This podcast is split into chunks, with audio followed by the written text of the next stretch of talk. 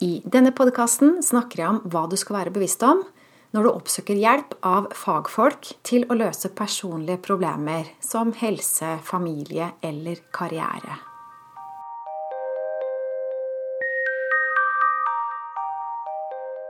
Jeg heter Line Strandvik. Jeg jobber online som personlig veileder, hvor jeg hjelper deg tilbake til sannhet, hvor livet er ekte og meningsfullt. For tiden er jeg i gang med å utvikle et webinar som heter 'Fra krise til suksess'. Og her hender det jeg får litt ideer til hva jeg kan lage podkast om, og det har jeg gjort i dag også. Så i dag skal jeg snakke om hva du gjør når du har et problem som du ikke klarer å løse selv. Det kan være din fysiske, psykiske helse, det kan være barna dine, det kan være kjærlighetslivet ditt, parterapi, skilsmissehjelp, karrierecoaching, livsstilscoaching Uansett hva du trenger hjelp til, så kan du oppsøke fagfolk. Og hva er det du skal være oppmerksom på da? Jeg vil fortelle om to tabber som jeg selv har gjort, og som jeg ser mange andre gjør. Og den første tabben, det er at vi ikke oppsøker hjelp. Vi sitter og roter med det selv i måned etter måned, år etter år. Og det er jo dumt å tro at vi kan alt bedre enn alle andre, for det er jo ikke sant.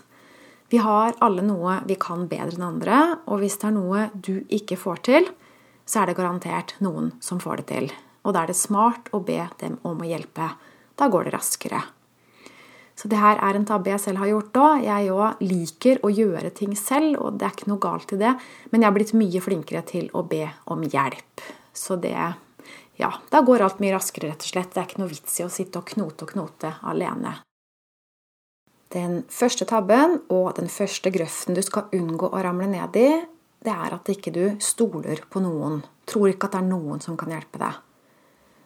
Den andre tabben og den andre grøften du skal unngå å ramle ned i, det er at du stoler blindt på den personen du oppsøker, den eksperten. I dine øyne så er det en ekspert, så du tenker at ja, da er det riktig, da må jeg gjøre sånn. Du sluker det rått. Og det har jeg gjort selv. Og det er også noe med at vi vil jo gjerne være høflige. Syns det er eh, frekt å avbryte, vil ikke være vanskelig ved å stille spørsmål. Det kan være én ting, men også at vi er ubevisste. Vi tror oppriktig på hva de sier, men når det kommer til et stykke, så virker det ikke. Og hva er det som går galt da? Det er ikke nødvendigvis noe galt med denne eksperten eller denne metoden, men det kan være noe galt i vårt syn på dem. At vi legger fra oss ansvaret. For vi er jo oppdratt til å være autoritetstro. Men det er feil lære. Det er vranglære. Det må vi snu om på. Det er ikke andre mennesker vi skal ha blind tillit til. Vi skal lære å stole på oss selv. Vi skal lytte til magefølelsen og la oss lede av den. Så vi kan ikke ha blind tro på andre. Vi kan ikke bare stole på det de sier. Men vi kan bruke den riktig. Så hva er den gylne middelveien? Den gylne middelveien, det er å oppsøke en hjelper, men å ikke vurdere dem som en ekspert høyere enn deg. Det er bedre å se på denne hjelperen som en leverandør. Så tenk deg at du har en innkjøpsavdeling i firmaet ditt hvor dere produserer et eller annet mekanisk. Et eller annet produkt. Og i dette produktet så skal det være en del tekniske duppeditter som skal settes sammen til det produktet som du selger. Og da må du vurdere hvilke leverandører er det du skal kjøpe disse duppedittene av. Og for å vite det, så må du vite hva du trenger.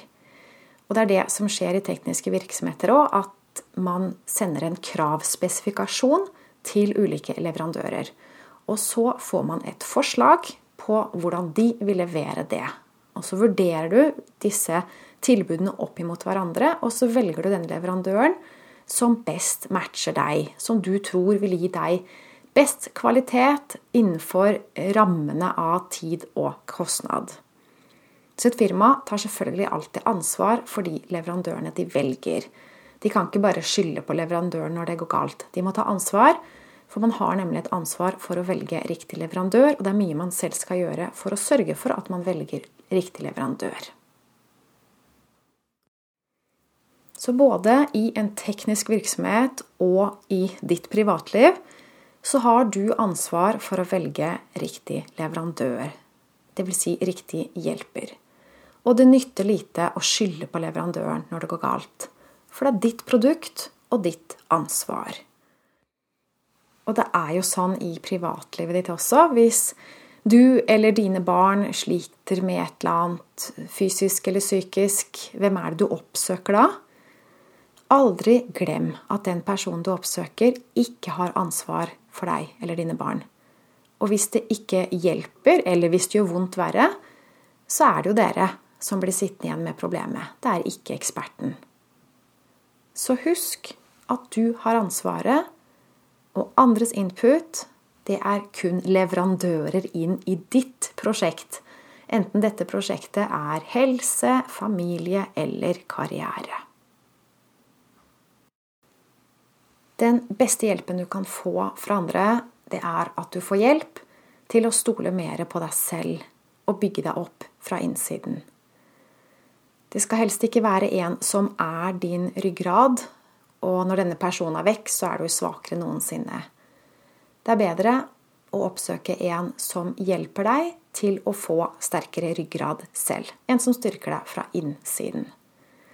For hvis personen får deg til å føle deg dum og svak, så hjelper det ikke. Men hvis du føler at du kommer styrka ut av det, da er du på riktig vei. Så faren ved å oppsøke eksperter, det er at du blir overstyrt eller at du legger fra deg makta. At du lar de overta.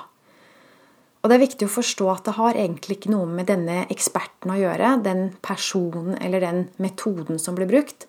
Det har å gjøre med din innstilling til denne personen eller metoden. Bruker du personen riktig eller ikke?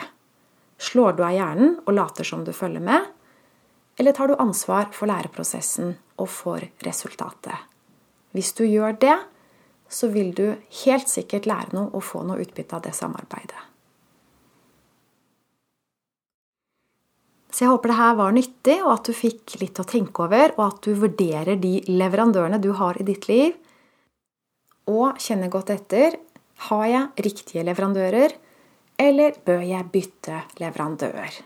Har jeg den riktige hjelperen, eller bør jeg bytte hjelper? Det var alt for i dag. Husk på å melde deg på webinaret mitt. Det er et live-webinar, så du kan skrive til meg underveis. Så kan du få svar på eventuelle spørsmål du har rundt dette temaet. Hvordan du går fra krise til suksess.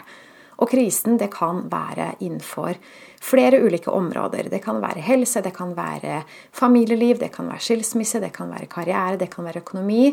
Uansett, hvis du opplever det som en krise, så er det mulig å gjøre noe med det. Du kan også ende opp med det som for deg er suksess. Hva er det du vil? Dit kan du komme. Så tusen takk for at du lytta med i dag. Jeg ønsker deg en fin dag videre. Ha det godt.